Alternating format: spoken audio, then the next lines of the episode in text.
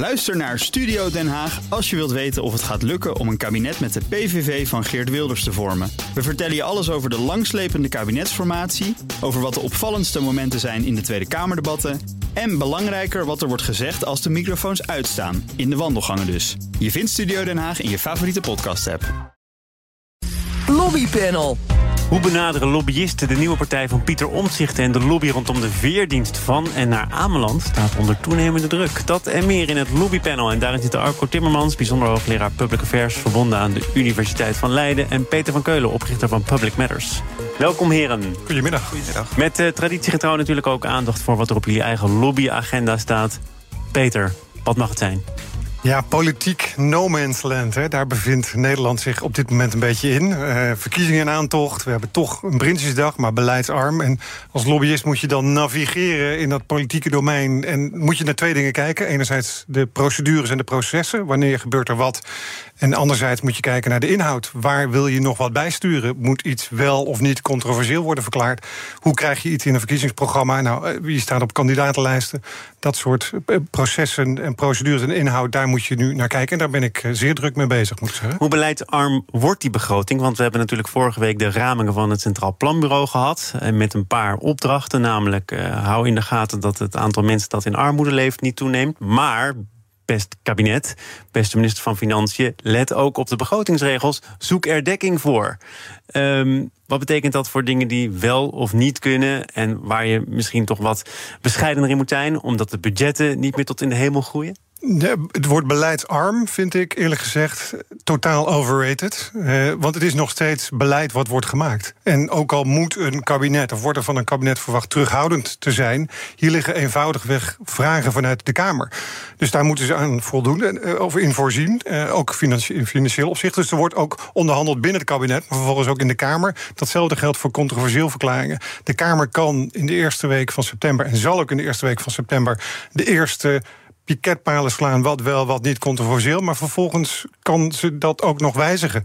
Bijvoorbeeld na 22 november als er nieuwe Kamerleden zijn. Of daarvoor bij begrotingsbehandelingen. Dus we moeten het niet heel erg meegaan in die stickertjes en die framings van dit is beleidsarm, dus er kan niks. Of dit is controversieel, we mogen het er niet over hebben. Hoe kijk jij naar die kwestie? Want dit komt wel heel vaak aan de orde. Hè? Beleidsarm, demissionair, wat gaan we wel doen, wat gaan we niet doen? Kan er eigenlijk toch veel meer dan er af en toe wordt gesuggereerd? Uh, die term is ambtelijk jargon. Uh, en er kan meer, uh, zeker omdat heel veel beleid, sowieso ook nieuw beleid, is niet, meestal geen radicale verandering ten opzichte van het bestaande beleid.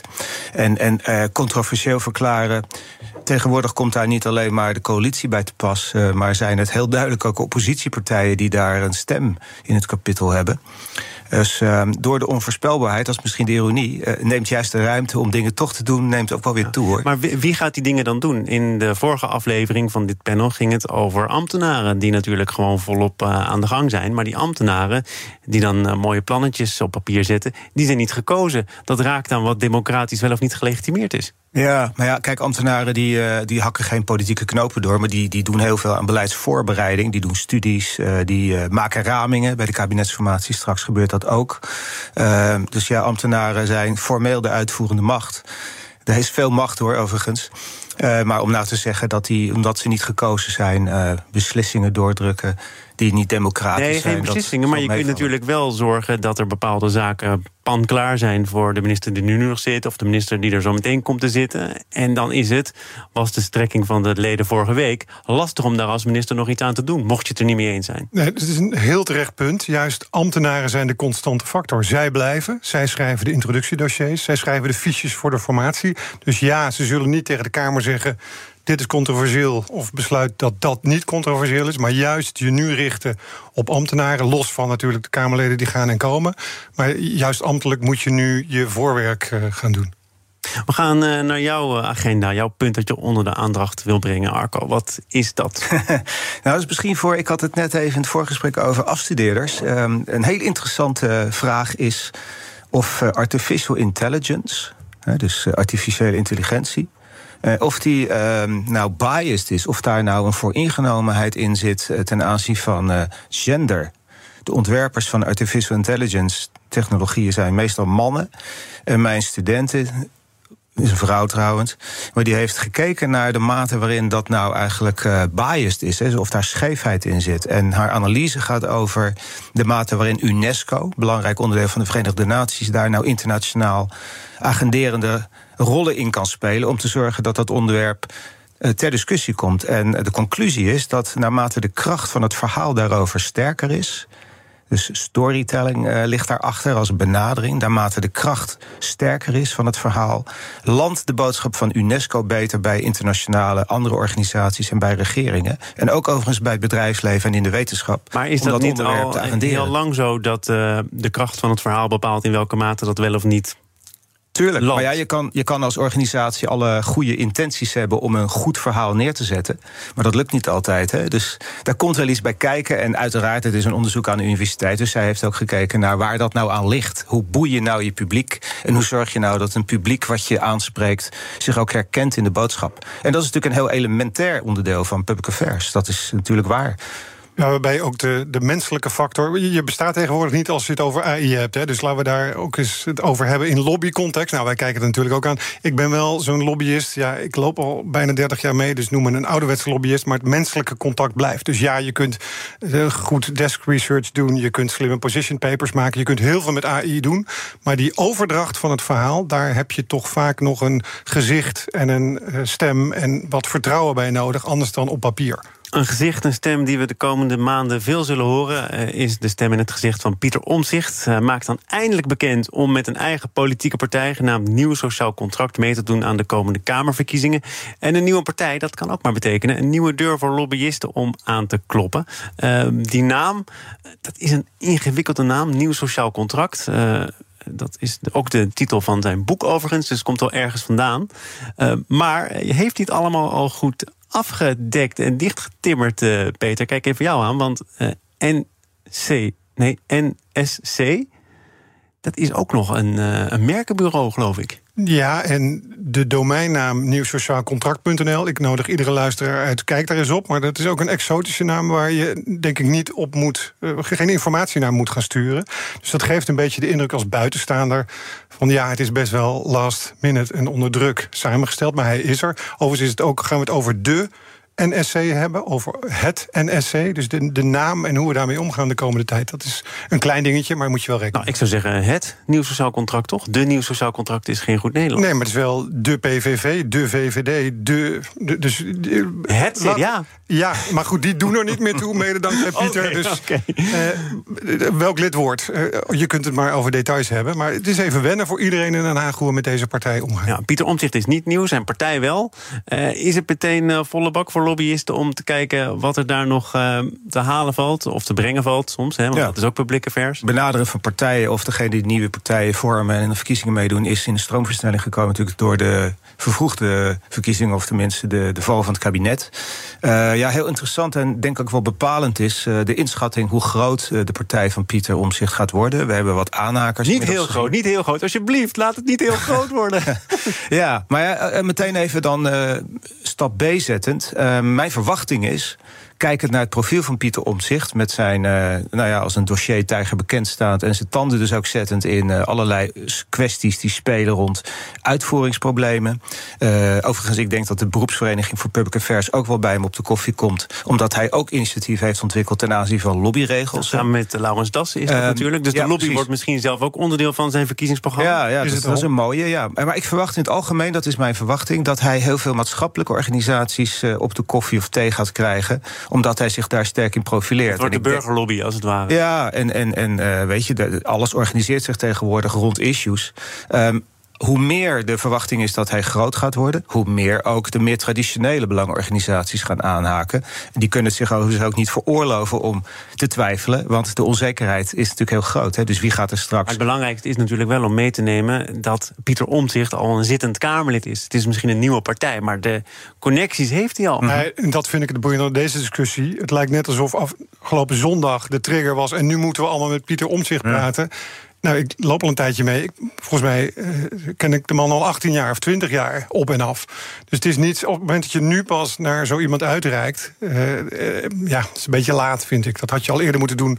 Ook eenmansfracties doen ertoe om te belobbyen of te, beïnformeren, om te informeren. Maar en, besteed jij net zoveel aandacht aan een eenmansfractie als aan een coalitiefractie of een grote oppositiepartij? Ligt heel erg aan het dossier. Soms zelfs meer aan een eenmansfractie. Er zijn, of, ja, er zijn nu eenmansfracties die heel veel uh, invloed hebben. Ook al is dat dan maar één uh, Kamerlid. Ik noem het voorbeeld van Liane de Haan. Uh, die op zorg heel veel gezag heeft in de Kamer. Dus als je zo iemand passeert, ja, dat, dan doe je slecht je lobby. Zij komt dan niet terug, maar met omzicht geldt het zeker. Als je hem niet genegeerd hebt de afgelopen jaren, kun je nu stappen op de rijdende trein van de contacten die je met hem of de mensen om hem heen had.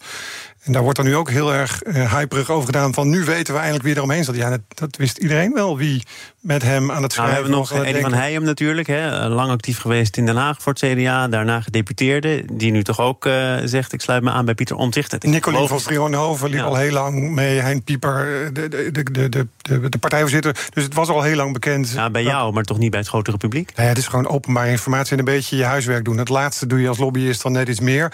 Ik denk dat heel veel mensen ook hebben gedacht: nou, het zal er toch wel niet van komen. Uh, omdat hij die burn-out had. Nou ja, goed. Uh, er is nu een e-mailadres en volgens mij wordt het zo'n beetje gespamd. Programma partij Als mensen nu zijn wakker geworden van... hé, hey, Pieter Omtzigt heeft een partij... dan kun je daar je inbreng naartoe sturen als je iets aan het partij... Dat programma dat moet misschien nog uh, van kaf tot kaf geschreven worden. Dat ja. is overigens niet waar. Hè? Er is een basisdocument. Je zou het boek kunnen lezen. Er is dus ja. een basisdocument. Je weet wel ongeveer aan de hand van de afgelopen jaren... wat hij belangrijk vindt stemgedrag is onderzocht en besproken. Is, ja, precies. Ja. Dus je, je weet al behoorlijk waar je aan toe bent. Tegelijkertijd is het natuurlijk lastig om hem te plaatsen... op die traditionele as van mm -hmm. links tot rechts. Mm -hmm. Klopt. Daar, Klopt. Ziet, daar ziet hij wat minder in. Maakt dat het lobbyen ook anders? Nou, ik denk dat je daardoor meer diversiteit krijgt aan organisaties die bij hem aan het adres een boodschap willen brengen. Omdat het inderdaad, en dat zie je met meer partijen. Hè, we hebben een kwadrant lang gehad in Nederland, noem het maar eventjes, uh, cultureel conservatief en links toch wat progressiever denkend. Dat was eigenlijk uh, onbemenst. He? Nou, daar zit hij voor een deel ook wel in. Er zijn ook andere partijen. Uh, overigens, ik denk ook verkiezingsprogramma's, of het nou dikke zijn of dunne zijn, uh, mooie taal of niet. Zolang je ze maar niet laat doorrekenen. Nee, maar, nou ja, dat, ik, zou, ik ben daarvoor om dat te doen. Ik vind dat een goede traditie. Uh, maar wat ik erover wilde zeggen is dat er nogal eens een overschatting is van de betekenis van verkiezingsprogramma's. Je ziet ook dat campagnes, uh, daar, daar gaat het echt over de issues. Daar worden de, de commitments ook gemaakt. En ja, weet je, een partij uh, in, een, in een verkiezingsprogramma fietsen ergens. Het wordt net zo makkelijk ook weer vergeten. Het is ook altijd nog maar de vraag of omzicht, om in dit geval, of hij ook een rol gaat spelen. Nou, Peter, je kunt in de coalitie gaan werken, die verkiezingsprogramma's. Ze zijn inderdaad heel belangrijk bij de formatie, want daar hebben ze kleur gekozen. En vervolgens vervolgens ook bij de debat in de Kamer. Want daar informeer je een Kamerwoordvoerder die over een onderwerp gaat van joh, dit staat er in je verkiezingsprogramma of dit staat er niet in. Dus daar is het wel degelijk wel vier jaar. Ja, ja absoluut. Ik, ik, het is een kompas ik, waar Kamerleden zich aan houden. Ik constateer een, een on, on, oneenigheid. Wil jij nee, zeker niet. Een wetenschappelijke kennis en kennis uit de praktijk, toch? Dus, ja. ja. Nee, wat ik merk, ik heb kabinetsformaties onderzocht en dan zie je, we hebben het dividendbelastingsvoorbeeld uit 2017. Dat is een heel bekend en berucht voorbeeld geworden. Dus verkiezingsprogramma's zijn geen goede voorspellers van wat het regeerakkoord. Natuurlijk zijn er puntjes, hè, maar uiteindelijk gaat het toch meer. Die verkiezingsprogramma's worden toch tijdens die debatten waarvan jij zegt daar worden de issues besproken regelmatig aangehaald. Ja, Net tuurlijk, als de doorrekeningen. Ik kan me geen campagne herinneren ja. waarin Politici niet werden bestookt met plannen die op papier staan of doorrekeningen die niet deugen. Nee, dat klopt. Maar uh, onderzoek over de politieke agenda en de dynamiek daarin in de loop van de tijd, dus van jaar op jaar, laat zien dat onderwerpen die centraal op de agenda komen, net zo vaak plotseling onverwachts komen opduiken als dat ze in verkiezingsprogramma's of zelfs in regeerakkoorden staan. Dus dat, noem het maar even, zeg maar, programmatisch denken, wat helemaal uit het begin van de 20e eeuw komt, dat is toch wel een beetje, misschien niet helemaal, maar voor een deel is dat wel achterhaald. praktijkervaring. Ja, het is de maakbaarheid van de politieke agenda. Dat doe je niet alleen met een programma, dat doe je kijkend naar het debat in Den Haag. En daar is een verkiezingsprogrammacommissie een onderdeel van, uit, maakt daar deel van uit. En ik zeg ook zeker niet, ga een brief sturen naar de programma Commissie en daarmee heb je je lobby gedaan, want dan begint het in feite pas. En zo zie ik ook veel organisaties nu wel lobbyen van nou, we hebben een briefje gestuurd en daarmee is het klaar. Nee, het maakt het onderdeel uit van je totale lobbystrategie. Naar die lobbystrategie in deel 2 van dit panel. BNR Nieuwsradio. Zaken doen. Thomas van Zeil. Peter van Keulen en Arco Timmermans zijn de leden van het lobbypanel. De beroepsvereniging voor verpleegkundigen en verzorgenden, de VNVN, kwam deze week met een opvallende oproep. Schrap het collegegeld voor zorgopleidingen. Dat zou tot meer nieuw personeel moeten leiden, waar de sector al jaren hard naar op zoek is. Ik zou het geen brief willen noemen, maar wel een manifest of een pamflet. Is dit effectief? Ja, het, is, het, het, kan natuurlijk nooit afhangen van één zo'n uh, pamflet of statement. Je moet uh, geduld hebben hierbij. Je moet ook heel goed koersen op issues. geduld is wel zo ongeveer op, want dit probleem speelt al jaren. Nou, zeker. En het is ook een terecht punt, denk ik. Ik denk dat de lobby vanuit de vereniging... de grootste beroepsvereniging trouwens van Nederland... met die geloof iets van 105.000 leden... dat die volledig terecht is. En ik vind het, het voorbeeld van het afschaffen... of het tijdelijk misschien weglaten van collegegeld... misschien niet voor de meest prestigieuze medische beroepen, maar zeker voor de zorg en de verpleging vind ik een terecht punt. Het nou, die prestigieuze beroepen, als je ze zo zou willen framen, mhm. die moeten juist dat meer gaan betalen. Ja, nou ja, ja, als dat een differentiatie is. Want de specialisten verdienen dat op de lange termijn... en misschien zelfs op de korte termijn al terug. Ja, dat is natuurlijk een groot verschil. Maar ik vind in het algemeen uh, investeren in dit belangrijke punt... maatschappelijk, uh, ook economisch heel belangrijk punt, vind ik het terecht. Ja, nee, maar los van wat je inhoudelijk daarvan vindt... want veel mensen zullen zeggen dat dat probleem moet worden aangepakt. Dit is mhm. natuurlijk ook het lobbypanel. Er komt nu een manifest. Daarin zitten een paar nieuwe punten... zoals dit collegegeld en het afschaffen daarvan. Gecombineerd met wat golden oldies, namelijk doe wat aan de uh, grote administratielast van het personeel. En beste manager, bemoei je niet te veel met ons. Wij kunnen het beter zelf. Is dat een goede combinatie om zo die boodschap toch nog eens over het voetlicht te brengen? Ja, en ik denk heel belangrijk bij deze agenda, denk ik, is dat de, eh, de publieke aandacht er ook groot voor is. Of dat die groter wordt gemaakt. Omdat uh, dit is echt een kwestie van druk. Want alleen bij druk zullen de politieke prioriteiten in de, in de richting, de gewenste richting van deze van de vereniging, denk ik, aangepast worden. Dus er is heel veel. Je kunt argumenten hebben, maar je hebt ook heel veel exposure en druk nodig. En blijvend. Uh, elk issue aangrijpen ook daarin. Dus dat is een, een kwestie van lange adem. Is, ik denk dat die route het, heel belangrijk is. Dit, is dit een goed startpunt? Of startpunt, die, die lobby is al langer gaande. Maar gaat dit iets teweeg brengen? in eh, aanloop naar de verkiezingen? Ik proef hier bijna in een nieuw onderzoek. Want ik durf mijn halve wijnkelder erop verwedden dat dit in verkiezingsprogramma's terechtkomt. Dus is dit succesvol? Ja. Hebben ze het goed gedaan? Uitstekend. Het was all over de nieuws gisteren. Sterker nog, de minister, Dijkgraaf, die hierover gaat, die heeft al gezegd: ik ga met een onderzoek komen. Hij heeft ook gezegd: van nou, ik vind het niet per se een goed idee, maar ik ga daarnaar kijken en laat het vervolgens aan mijn uh, opvolgen. Ja, dat zul je meer horen de komende maanden. Maar het staat volledig op de agenda.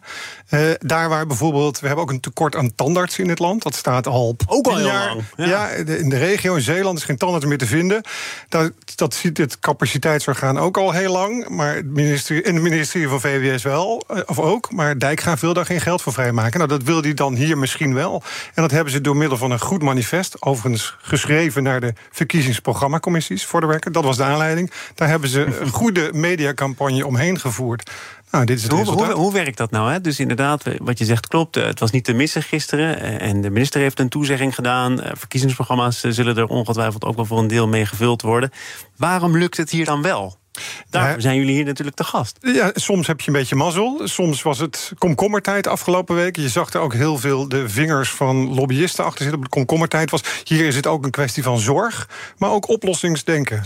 deze maatregel, schaf het collegegeld af, kost 180 miljoen. En ze hebben keurig doorgerekend, nou, die medisch specialisten iets minder geld. En zo komen we op die 180 miljoen. Dus je denkt niet alleen in problemen, maar je geeft er ook de oplossingen bij. En met een mooi plaatje daarbij was het volgens mij NOS, eh, RTL, BNR. Iedereen besteedt er aandacht aan. Ik uh, kwam uh, ook tegen in dat uh, manifest dat sommige van de zaken die deze vereniging voorstelt ook al eerder zijn besproken in het Integraal Zorgakkoord, in een rapport van de SER. Mm maakt dat veel uit dat je zegt, ja, maar het komt niet zomaar uit de lucht vallen. Het komt niet zomaar op ons wenslijstje terecht. Hier is eigenlijk al voor een groot gedeelte overeenstemming Ja, het is, het is terugkijken eh, bij dit soort belangbehartiging en vooruitkijken. Dus eh, gebruik maken van eerdere momenten en ook van andere kennis en ook van andere organisaties, waardoor je samen sterker staat, is een heel belangrijk punt. Ja, weet je dat we er nu aandacht voor hebben hè, en dat het dan in de verkiezingsprogramma's of een aantal daarvan terugkomt. Dat, dat, is, dat kan natuurlijk zo zijn.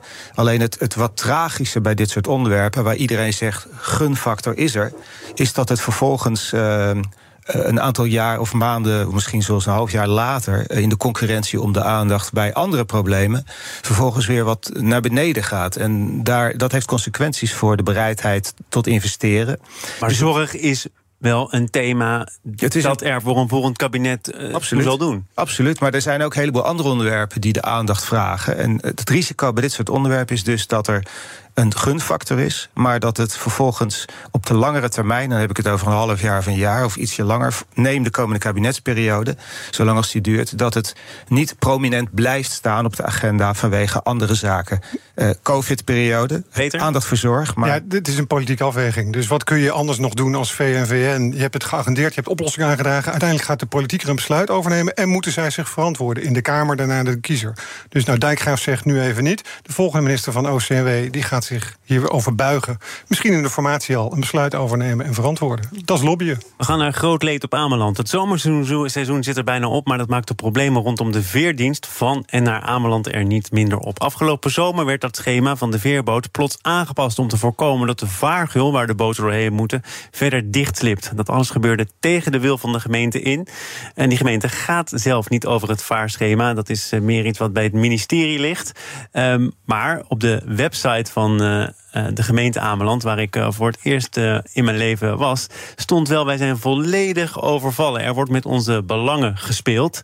Ehm, kun je meer doen dan wat de gemeente Ameland heeft gedaan, Peter? Dat overvallen, dat vraag ik een beetje af. Hè? Eh, want dit speelt al heel lang. Dit ziet men al heel lang aankomen. En volgens mij heeft het departement ook opties en oplossingen van zus en zo kunnen het oplossen. Alleen wordt er geen knoop doorgehakt. Er wordt geen actie ondernomen.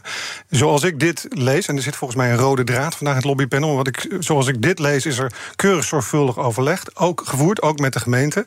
Maar krijgen ze nu niet hun zin? Zijn ze bang dat het controversieel wordt verklaard? En vervolgens gaan ze naar de media om de controversieel dis- de discussie daarover in de Kamer in de eerste week van september, om die te beïnvloeden. Lees Kamerleden, verklaar dit niet controversieel en neem een besluit over het baggeren van, het, van die plek daar bij Ameland.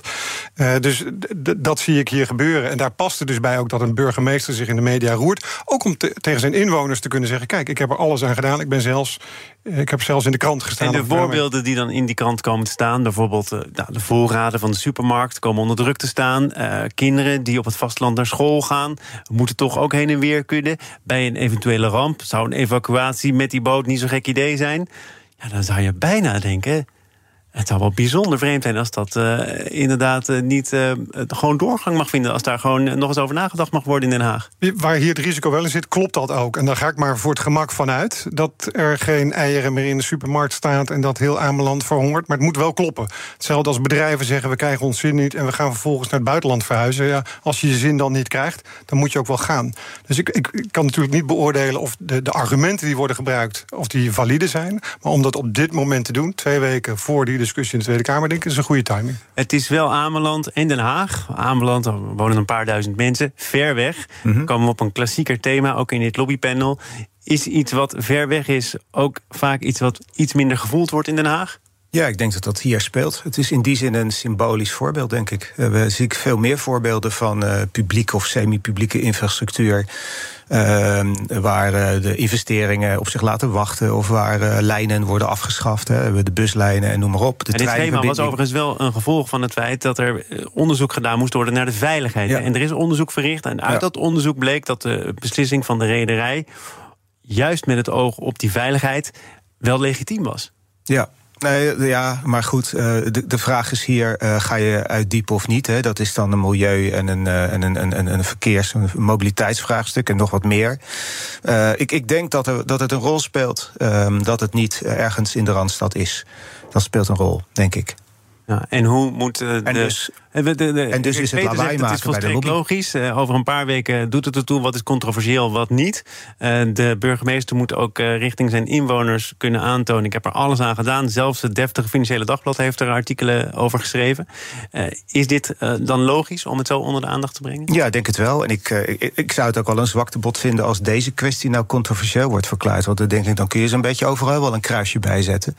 Eh, dus ik, we mogen hopen dat dat niet gebeurt en dat er een, een oplossing voor komt. Ik, zie het punt van, eh, van het eiland. Ik zie ook wel inderdaad het scoren, zou je kunnen zeggen, om te laten zien dat je de belangen behartigt. Maar het gaat ook wel ergens over. En het- ik denk dat het ook een symbolisch geval, met symbolisch bedoel ik van betekenis hoor. Maar dat er wel iets zegt. Dus er staat ook iets op het spel om te zien of het ministerie dan de geluiden uit eh, de periferie, zoals dat wel eens wordt genoemd, echt wel serieus neemt of niet. Arco Timmermans en Peter van Keulen. Arco Timmermans, bijzonder hoogleraar Public Affairs... verbonden aan de Universiteit van Leiden... verantwoordelijk uh, voor het wetenschappelijke inzicht in dit uh, panel. En Peter van Keulen, ouderwetse lobbyist... oprichter van Public Matters... voor de ervaringen vanuit de praktijk. Maar kwam dat toch weer mooi samen? Dank daarvoor. Ja. En tot de volgende keer. Dit panel is ook te beluisteren als podcast. Abonneer je vooral even via je favoriete kanaal of de BNR-app. Zometeen gaat het over de economie van China. Dat is kwakkelen geblazen. Blijf luisteren.